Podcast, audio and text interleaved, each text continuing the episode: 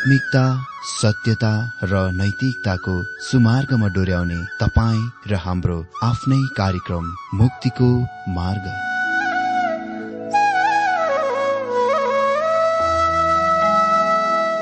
आदरणीय श्रोता यस मुक्तिको मार्ग कार्यक्रममा हार्दिक स्वागत छ आशा छ यस आत्मिक कार्यक्रमद्वारा जीवनमा आत्मिक आशिष अलौकिक शान्ति र आनन्द प्राप्त गर्नुहुनेछ। र जीवनमा धन्य अनुभव गर्नुहुनेछ। आउनुहोस् श्रोता मन र आत्माको तयारीको लागि यो मिठो अनि मधुर भजन गीत सुनौ।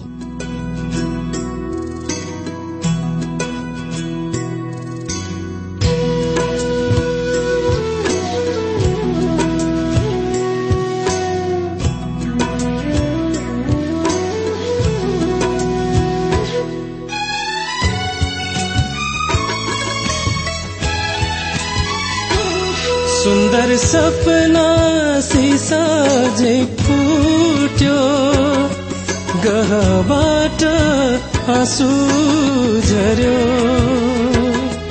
यो कस्तो विडम्बना हो बिछोड्यो जिन्दगीको। सुन्दर सपना सिसा जे फुट्यो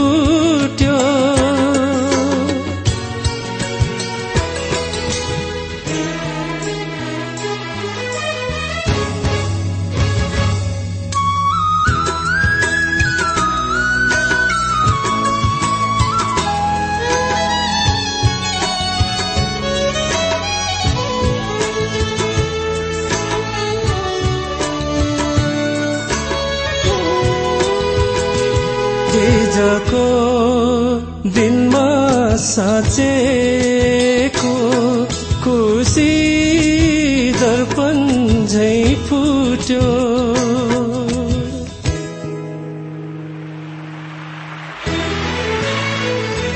हिजको दिनमा साँचेको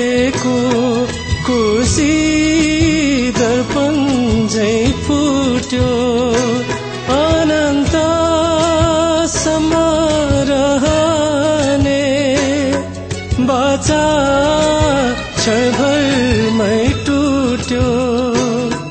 यो कस्तो जिन्दगी हो? बुझ्न नै नसक्ने। सुन्दर सपना सिसा झै फुट्यो।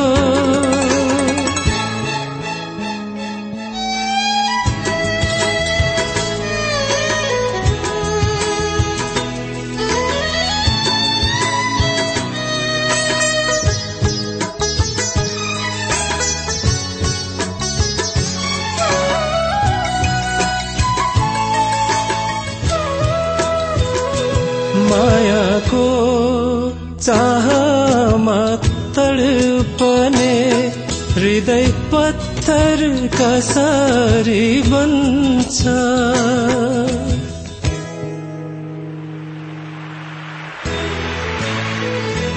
मायाको चाहमा तडपने हृदय पत्थर कसरी बन्छ। मानवता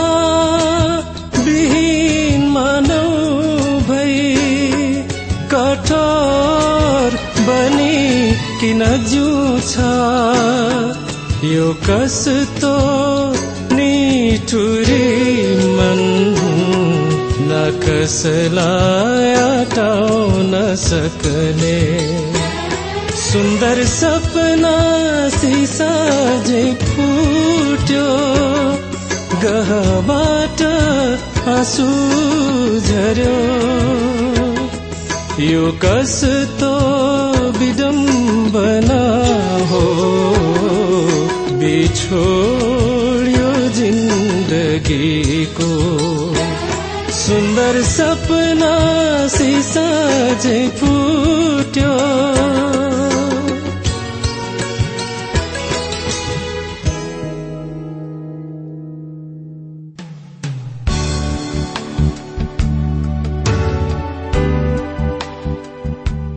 श्रोता यो प्रसारण मार्फत यो अवगत गराउन चाहन्छौ कि प्रभुको सेवाको लागि यहाँहरूको साझेदारी नित्यन्त आवश्यकता छ। यहाँहरूले प्रार्थनाको साथसाथै आर्थिक सहायता गर्न अनुरोध गर्दछौ।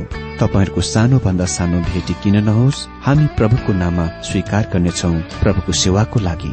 तपाईँहरूको यो सानो लगानीले कसैको जीवनमा भिन्नता ल्याउँछ अनि प्रभुको महिमा हुन्छ। प्रभु तपाईँहरूलाई महान गरी आशिष दिनुहुनेछ। इच्छुक श्रोताहरूले तपाईँको इच्छा भेटी हाम्रो ठेगानामा पठाउन सक्नुहुन्छ जुन ठेगाना हामी कार्यक्रमको अन्तमा दिनेछौ। प्रिय श्रोता मित्र प्रभु येशु ख्रिष्टको मधुर अनि सामर्थ्यनामा मेरो जयमसी तथा हार्दिक स्वागत छ आजको यो बाइबल अध्ययन कार्यक्रममा। श्रोता म आशा गर्दछु तपाईँ सबै आनन्द कुशलै हुनुहुन्छ होला र परमेश्वरको अनुग्रहमा म पनि आनन्द कुशलै छु र आजको यो बाइबल अध्ययनको लागि तयारीको साथ आइपुगिसकेको छु। श्रोता पवित्र धर्मशास्त्र बाइबलको क्रमबद्ध र श्रृङ्खलाबद्ध अध्ययनको क्रममा यी दिनहरूमा हामी नयाँ नियमको पहिलो युहन्नाको पत्रबाट बाइबल अध्ययन गरिरहेका छौं। बाइबल अध्ययनकै क्रममा अघिल्लो दिनहरूमा हामीले कसरी प्रिय सन्तानहरूले एक आपसलाई जान्न सक्छन् र एक आपसमा रहन सक्छन् भन्ने विषय अन्तर्गत अर्को उपशाखा विषय पहिलो युहना तीन अध्ययको चारदेखि आठ पदसम्म अध्ययन गरिरहेका थियौं। क्रियामा अर्थात् व्यवहारमा विश्वासीहरूका दुई स्वभावहरू। अनि आज पनि हामी यही विषयलाई जारी राख्नेछौ। आज हामी पहिलो युहना तीन अध्यय नौदेखि बाह्र पदबाट बाइबल अध्ययन गर्नेछौ। त्योभन्दा पहिले अघिल्लो दिनमा अध्ययन गरिसकेको बाइबल खण्ड पढिदिन्छु। पहिलो युहन्ना तीन अध्यय चारदेखि आठ पदमा यस प्रकार लेखिएको छ पाप गर्ने हरेकले व्यवस्था भङ्ग गर्दछ। पाप नै व्यवस्था भङ्ग हो। पाप हरण गर्नलाई नै उहाँ प्रकट हुनुभएको हो भन्ने कुरा तिमीहरू जान्दछौ। र उहाँमा कुनै पाप छैन। उहाँमा रहने कसैले पाप गरिरहँदैन। पाप गरिरहने कसैले उहाँलाई न त देखेको छ न चिनेको नै छ। साना बालकहरू कुनै मानिसले तिमीहरूलाई छल्न नपाओस्। जसले ठिक काम गर्छ त्यो धार्मिक हो जस्तो उहाँ धार्मिक हुनुहुन्छ। जसले पाप गर्छ त्यो द्याबलसको हो अर्थात् शैतानको हो किनभने द्याबलस त सुरुदेखि नै पाप गर्दै आएको छ। द्याबलसका कामहरू नष्ट गर्नलाई परमेश्वरको पुत्र प्रकट हुनुभएको हो। त्यसपछि पहिलो युवाना तीन अध्यायको नौ पदमा हामी निरन्तर अगाडि बढ्नेछौ हेर्दै। परमेश्वरबाट जन्मेको कसैले पनि पाप गरिरहँदैन किनकि उहाँको स्वभाव त्यसमा रहन्छ र त्यसले पाप गरिरहन सक्दैन किनभने त्यो परमेश्वरबाट जन्मेको हो। हरेक जो परमेश्वरबाट जन्मेको छ। प्रियहरू यो नयाँ जन्म हो जुनको बारेमा हामी कुरा गरिरहेका छौं। यसकै बारेमा प्रभु येशुले भन्नुभयो जब उहाँले धार्मिक शासक लाई भन्नुभयो युवाना तीनको सात पदमा तिमी नयाँ गरी जन्मनै पर्छ अनि मैले तिमीलाई भनेकोमा तिमी अचर्म नमान। भनिएको छ हरेक जो परमेश्वरबाट जन्मेको छ उसले पाप गर्दैन। परमेश्वरको सन्तानलाई नयाँ स्वभाव दिइएको छ र त्यो नयाँ स्वभावले पाप गर्दैन। उडौ पुत्र सधैँको लागि सुँगुरको खोरमा रहिरहन नसकेको कारण उनी सुँगुर थिएनन्। उनी पिताका पुत्र थिए र पिताको घरको लालसा गरे। यदि तपाईँ परमेश्वरको सन्तान हुनुहुन्छ भने तपाईँ पिताको घरमा हुन चाहनुहुनेछ र तपाईँ यसको लागि वास्तवमा अति नै धेरै लालसा गर्नुहुनेछ। भनिएको छ जो परमेश्वरबाट जन्मिएको छ उसले पाप गर्दैन। अभाग्यवश यसले यहाँ गलत प्रभावको दिन्छ खास विचार पापको एक क्रिया होइन। खास विचार यो हो कि उनी पापमा रहँदैन। युहानले पहिले पहिलो युहान दुई अध्ययको एक पदमा भने यदि कसैले अर्थात् कुनै ख्रिस्टियनले पाप गर्यो भने पिताको साथ हाम्रो एकजना वकिल हुनुहुन्छ अर्थात् धर्मी येशु ख्रिस्ट विश्वासीहरूले कहिले कहीँ पाप गर्दछन् तर युहन्नाले यो स्पष्ट पार्दछन् कि यो परमेश्वरको इच्छा हो कि हामी पाप रहित रहन सकौं जिउन सकौं। भन्छन् मेरा साना नानीहरू हो तिमीहरूले पाप नगर भनी म यी कुराहरू तिमीहरूलाई लेख्दछु। पाप त्यो कुनै पनि कुरा हुन सक्छ जुन परमेश्वरको इच्छाको ठिक विपरीत छ। तर जब पाप हाम्रो जीवनहरूमा आउँछ युवाना भन्छन् कि हामीसँग पिताको साथ एक वकिल एक मध्यस्थ हुनुहुन्छ।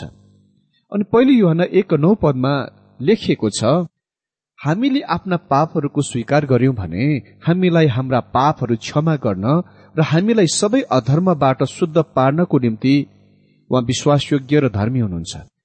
फेरि युहान विश्वासीहरूसँग कुरा गरिरहेका छन् र उसले भनिरहेका छन् कि कहिले कहीँ विश्वासीले पाप गर्नेछन्। त्यसकारण जब युहान भन्छन् जो हरेक परमेश्वरबाट जन्मेको हुन्छ पाप गर्दैन। उसले यो भनिरहेका छन् कि नयाँ स्वभाव निरन्तर पाप रूपी सुँगुरको खोरमा रहिरहने छैन कदापि पनि। उनी त्यहाँबाट फर्केर आउनेछ। पिताको घर कहाँ? लेखिएको छ किनकि उहाँको बिउ उसमा रहन्छ। भनिएको छ किनकि उहाँको स्वभाव त्यसमा रहन्छ र त्यसले पाप गरिरहन सक्दैन। किन? किनभने उनी परमेश्वरबाट जन्मेका हुन्। युहानले केही त्यस्तो कुराको बारेमा कुरा गरिरहेका छन् जुन वास्तविक र सत्य छ। उसले केही विश्वास स्वीकार अंगीकारको बारेमा कुरा गरिरहेका छैनन्। जुन तपाईँ त्यस बेला गर्नुहुन्छ जब तपाईँ चर्चको सामने गएर केही आँसुहरू झार्नुभयो। प्रश्न यो हो के तपाईँ परमेश्वरबाट जन्मेको सन्तान हुनुहुन्छ? म विश्वासीहरूको सुरक्षाको बारेमा विश्वास गर्दछु। तर म ओठे बोक्रे देखावटी विश्वासीहरूको उद्धारको असुरक्षाको बारेमा पनि विश्वास गर्दछु। मित्र त्यसकारण हामी आफैले आफैलाई हेर्न जाँच गर्न अति आवश्यक छ। हामीले आफैलाई हेर्न न्याल्न आवश्यक छ। र यो देख्न आवश्यक छ वास्तवमा के हामी परमेश्वरको विश्वासमा छौं। के तपाईँ वास्तवमा परमेश्वरको सत्य सन्तान हुनुहुन्छ? के तपाईँ परमेश्वरको कुराहरूको लालसा गर्नुहुन्छ? यो नै अति नै महत्वपूर्ण कुरा हो। कसैले त्यो जवान व्यक्तिको बारेमा भन्ला जसको बारेमा मैले अघिल्लो दिनमा उदाहरण दिएथे त्यो पुरुषगामी होमोसेक्सुअल व्यक्ति थियो। उनी परमेश्वरको सन्तान हुन सक्दैनन्। म भन्छु कि उनी हुन सक्छन्। तर यदि उनी परमेश्वरको सन्तान हुन् भने उसले त्यो पापको त्याग्न गइरहेका छन्। उडौ पुत्र सुँगुरको खोरमा रहिरहन सक्दैन र रहिरहनु हुँदैन। उनी त्यहाँ रहने छैनन्। उनी त्यहाँबाट बाहिर निस्किआउनेछन्। एक दिन आउनेछ जब उसले भन्नेछ म अहिले उठेर मेरो पिता कहाँ जान्छु? अनि उसको पिता त्यो सुँगुरको खोरको नजिक आसपासमा छन्। तर उनी अति नै टाढामा छन्। उसको पिता त्यो सुँगुरको खोरको नजिक आसपासमा छैनन् तर उनी अति नै टाढामा छन् उनका पिता। जो प्रत्येक परमेश्वरबाट जन्मेको हुन्छ त्यसले पापको अभ्यास गर्दैन। उन निरन्तर पापमा रहिरहन सक्दैनन्। जब हामी नयाँ स्वभाव पाउँछौ हामी आफ्नो पुरानो स्वभावको गुमाउँदैनौ त्यो खास समस्या नै हो। निसन्देह पावल यसरी चितकार छोडे रोमी सातको चौबिसमा हाया म कति अभागी मानिस। कसैले मलाई यस मृत्युको शरीरबाट छुटकारा देला? मित्र हामी परमेश्वरको आत्माले मात्र तपाईँलाई छुटकारा दिन सक्नुहुन्छ। यदि तपाईँ थाहा गर्नुहुन्छ कि तपाईँ असहाय र आशरहित अवस्थामा हुनुहुन्छ यदि केही पापले तपाईँलाई पछाड्दछ गिराउँदछ तपाईँको जीवनको बर्बाद गर्दछ तपाईँको आनन्दको लुट्दछ अनि तपाईँ अति नै निराशमय दयनीय अवस्थामा हुनुहुन्छ तब म तपाईँलाई भनौँ उहाँले तपाईँलाई छुटकारा दिन सक्नुहुन्छ। र छुटकारा दिनुहुनेछ। यदि तपाईँ छुटकारा पाउन चाहनुहुन्छ भने यदि तपाईँ त्यस पापबाट मुक्त हुन चाहनुहुन्छ भने यदि तपाईँ वास्तवमा उहाँलाई सेवा गर्न चाहनुहुन्छ भने तब उहाँले तपाईँलाई सहायता गर्न सक्नुहुन्छ। किनकि उहाँको बिउ उसमा रहँदछ अनि उसले पाप गर्न सक्दैन किनभने ऊ परमेश्वरबाट जन्मेको हो। दश पदमा लेखिएको छ परमेश्वरको सन्तान को हो र द्याबलसको सन्तान को हो यसैबाट प्रष्ट हुन्छ ठिक काम नगर्ने व्यक्ति परमेश्वरको सन्तान होइन र त्यो व्यक्ति पनि होइनन् जसले आफ्नो दाजुभाइलाई प्रेम गर्दैन। परमेश्वरका सन्तान र शैतानका सन्तान यसैबाट प्रकट हुन्छन्। मित्र संसारमा दुई परिवारहरू छन्। परमेश्वरको विश्वव्यापी पितृत्व वसुदैवम कुटुम्बकम वा विश्वव्यापी भातृत्वको शिक्षा अति नै निन्दनीय झुटो शिक्षा हो। अर्थात् परमेश्वर सम्पूर्ण विश्वका मानिसको पिता र सम्पूर्ण विश्वका मानिसहरू बन्धुवा वा भाइ हो यो शिक्षा निन्दनीय शिक्षा हो। बाइबलले सिकाउँदैन कि परमेश्वरले संसारका सम्पूर्ण जाति मानिसहरूलाई आफ्नो सन्तानको रूपमा विचार गर्नुहुन्छ। अह प्रभु येशुले धार्मिक अगुवालाई भन्नुभयो युवा आठको चौवालिसमा तिमीहरू आफ्ना बाबु शैतानबाट कहौ। कसैले भनेका छन् विश्वासीले अविश्वासीहरूको अविश्वासीहरूलाई विवाह गर्न नहुने एक कारण यो हो कि यदि तपाईँ शैतानको परिवारमा विवाह गर्नुहुन्छ भने तपाईँ आफ्ना सासू ससुरासँग समस्या पाउन गइरहनुहुनेछ। ओ यो कति सत्य हो? मित्र त्यहाँ दुई परिवारहरू छन् संसारमा। परमेश्वरको सन्तान परिवार र शैतानको सन्तान परिवार। युवाना यो देखाउन गइरहेका छन् त्यहाँ दुई कुराहरू छन् जुन परमेश्वरको सन्तानमा प्रकट हुन्छ। अहिले परमेश्वरले हाम्रा हृदयहरूको जान्नुहुन्छ र हामी वास्तवमा उहाँका सन्तान र नयाँ जन्म पाएका रहौं या होइनौ सो कुरा उहाँ हाम्रो हृदयहरूको जान्नुहुन्छ। तर हाम्रा मित्रहरूले र अन्य विश्वासीहरूले र छिमेकीहरूले त्यो जान्दैनन्। मित्र परमेश्वरको जीवन हामीमा प्रकट हुने कुराद्वारा बाहिरका मानिसले थाहा पाउन सक्छन् कि हामी वास्तवमा परमेश्वरका सन्तान र नयाँ जन्म पाएकाहरू हौ। यो खालि ओठे बोली भाषाद्वारा होइन तर हामीले जिउने हाम्रा जीवनहरूद्वारा व्यावहारिकको जीवनद्वारा प्रकट हुँदछ। तर उही समयमा फेरि म यो कुराको तपाईँलाई याद दिलाउन चाहन्छु कि हामीसँग दुई स्वभावहरू छन्। हामीसँग नयाँ स्वभाव छ जुन परमेश्वरलाई सेवा गर्न चाहन्छ परमेश्वरलाई प्रेम गर्न चाहन्छ र परमेश्वरलाई हरेक पल प्रसन्न पार्न चाहन्छ। त्यसले सधैँ परमेश्वरका कुराहरूको लालसा गर्दछ।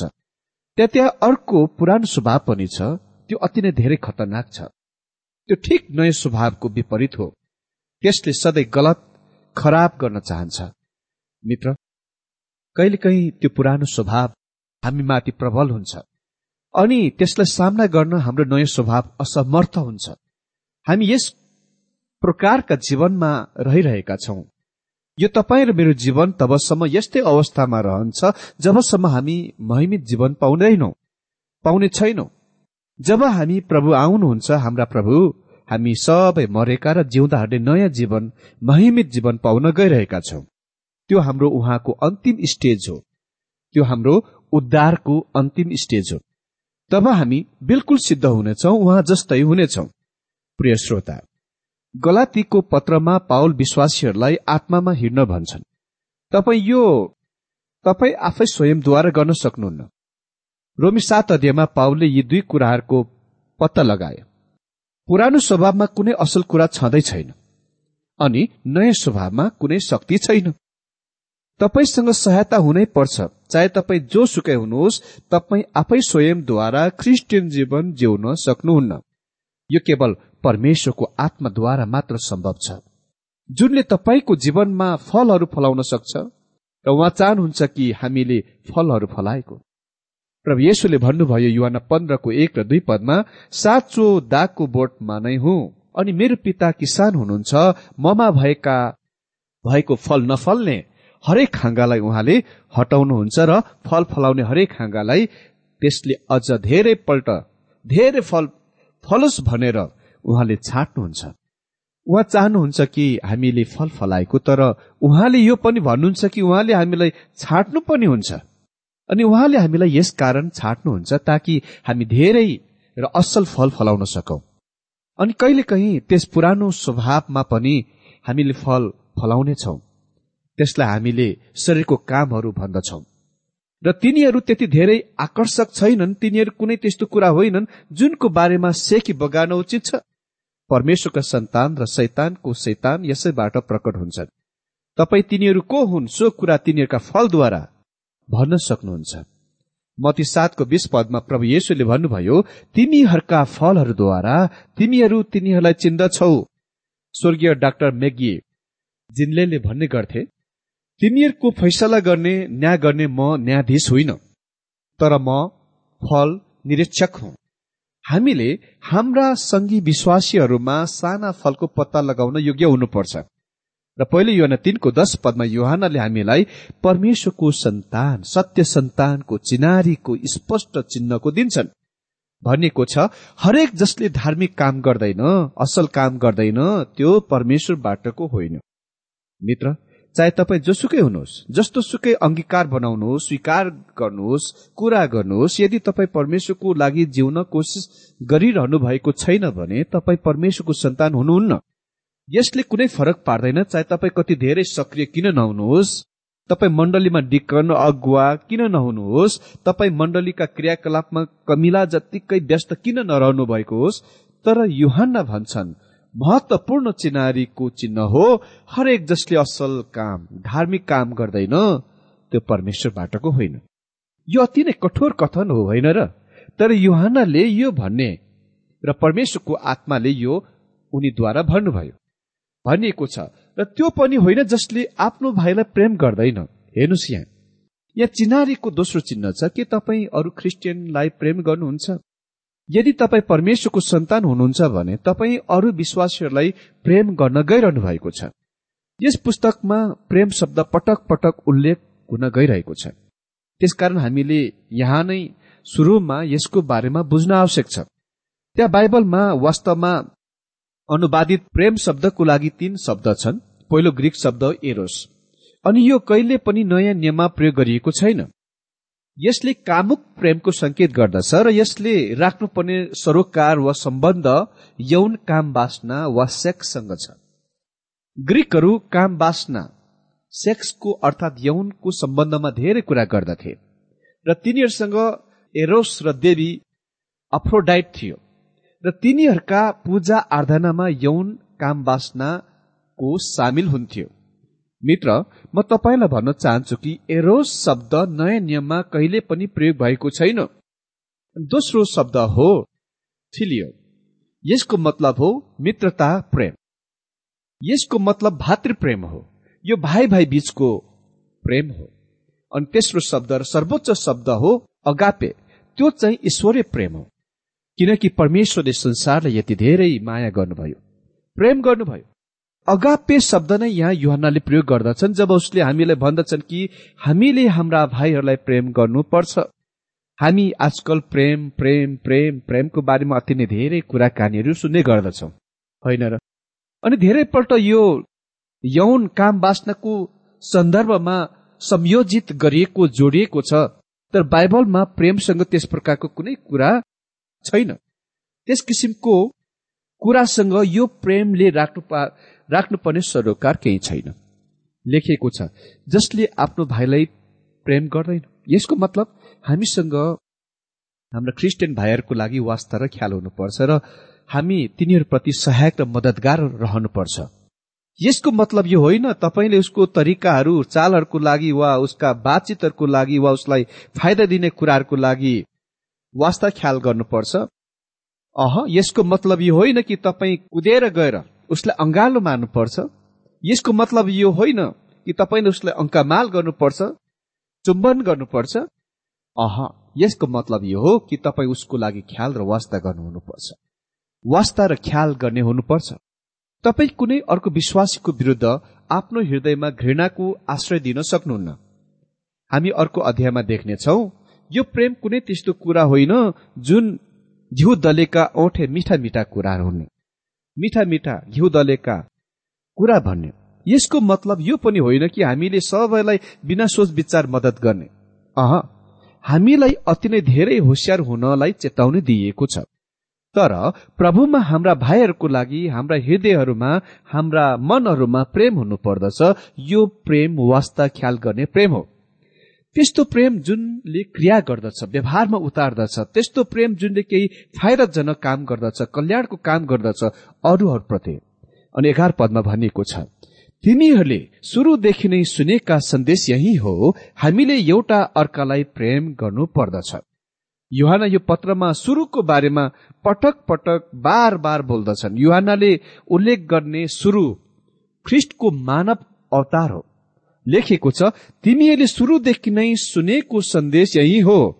हामीले एउटा अर्कालाई प्रेम गर्नुपर्छ। युवाना खालि यहाँ त्यो कुराको पुष्टि गरिरहेका छन् जुन प्रभु येशुले सिकाउनु भएको थियो। युहान तेह्रको पैतिस पदमा हामी देख्छौ तिमीहरूको आपसमा प्रेम छ भने यसैबाट सबैले तिमीहरू मेरा चेला रहेछौ भनी थाहा पाउनेछ। यो प्रेम नै ख्रिस्टका चेलाहरूको चिनारीको चिन्ह हुनुपर्नेछ। युवाना भन्छन् म कुनै नयाँ कुरा तिमीहरूलाई भनिरहेको छुइनँ। तिमीहरूले यसको पहिले सुरुदेखि नै सुनेका छौ। प्रभु येशुले यसको हामीलाई सिकाउनु भयो र सबै प्रेतहरूले यसको सिकाएका छन्। हामीले सुरुदेखि नै सुनेका छौं कि हामीले एक आपसलाई प्रेम गर्नु पर्दछ अन्य विश्वासीहरूको प्रेम कुनै त्यस्तो कुरा हो जुन आज धेरै स्थानहरूमा अति नै धेरै कमी छ। अनि बाह्र पदमा लेखिएको छ कैन जस्तो नहो जो शैतानको थियो उसले आफ्नो भाइको हत्या गर्यो। उसले आफ्नो भाइको हत्या किन गर्यो? किनकि उसका आफ्ना कामहरू दुष्ट थिए अनि उसको भाइका कामहरू चाहिँ धार्मिक थिए। मित्र कैन जस्तो होइन जो चाहिँ त्यस दुष्ट बाटोको थियो शैतान बाटोको थियो र आफ्नो भाइलाई मार्यो। कैन र हाबिल साख्य दाजुभाइ थिए तर कैनले आफ्नो भाइलाई मार्यो किन? उसले किन उसलाई मार्यो। किनभने त्यसका आफ्ना कामहरू दुष्ट थिए। तर त्यसका भाइको चाहिँ काम धर्मी थियो। धर्ममय थियो।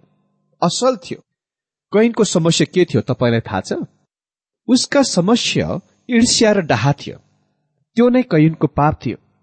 विश्वासीहरूको बीच ईर्ष्या र डाहाले आज सम्भवत कुनै कुराहरू भन्दा धेरै मण्डलीमा ख्रिस्टको कार्यलाई चोट पुर्याउँछ।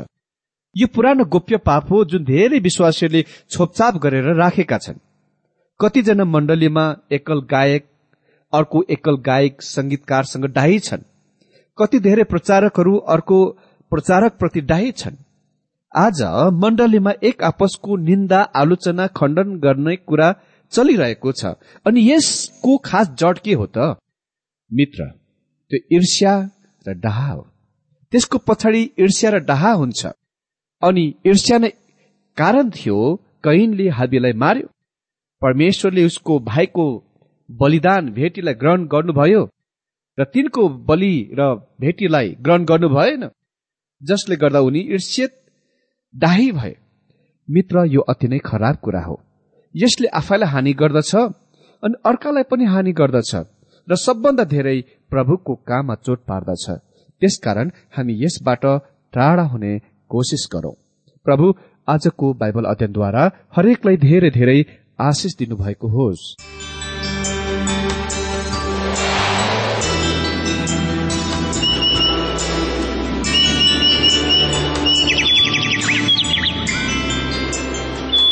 प्रिय श्रोता अहिले भर्खरै तपाईँले टीडब्ल्यूआर नेपालद्वारा सञ्चालित आत्मिक कार्यक्रम मुक्तिको मार्ग सुनिरहनु भएको थियो। श्रोता आजको यो कार्यक्रम सुनेर तपाईँलाई कस्तो लाग्यो? यदि यो कार्यक्रम सुनेर मनमा कुनै खुल्दुली वा कुनै प्रतिक्रिया अर्थात सुझावहरू छन् भने हामीलाई पत्रद्वारा लेख्न सक्नुहुनेछ। हामी हृदयदेखि नै स्वागत गर्नेछौ स्वीकार गर्नेछौ साथै बाइबल सम्बन्धित प्रचारहरू कार्यक्रम सारणीहरू हामी अनुरोधमा पठाउन सक्छौ। अनि तपाईँसँग कुनै प्रार्थनाको विषय छन् भने हामीले तपाईँको लागि प्रार्थना गरेको चाहनुहुन्छ। भने प्रभुमा आफ्नै परिवार सम्झेर हामीलाई पत्रमा लेख्न सक्नुहुनेछ। तपाईँको लागि हामी प्रभु येशुसँग प्रार्थना गर्नेछौ। अधिक जानकारी र पत्रचारको लागि हाम्रो ठेगाना यस प्रकार छ। कार्यक्रम मुक्तिको मार्ग जीपीओ नम्बर उनानब्बे पचहत्तर एपीसी पच्चिस एकसठी काठमाडौँ। ठेगाना एकपल्ट सुन्नुहोला। कार्यक्रम मुक्तिको मार्ग जीपीओ नम्बर उनानब्बे पचहत्तर एपीसी पच्चिस एकसठी काठमाडौँ। हाम्रो इमेल एड्रेस हो TWR Nepal at Yahoo dot com. साथै यस नम्बरमा एसएमएस गर्न सक्नुहुनेछ? अन्ठानब्बे चार सत्तरी पैतिस छ सय उनासी नौ आठ चार सात जिरो तीन पाँच छ सात नौ। हुन्छ श्रोता आजलाई हामी विदा चाहन्छौ। अर्को कार्यक्रममा हामी पुनः भेट्नेछौ तबसम्मलाई नमस्कार।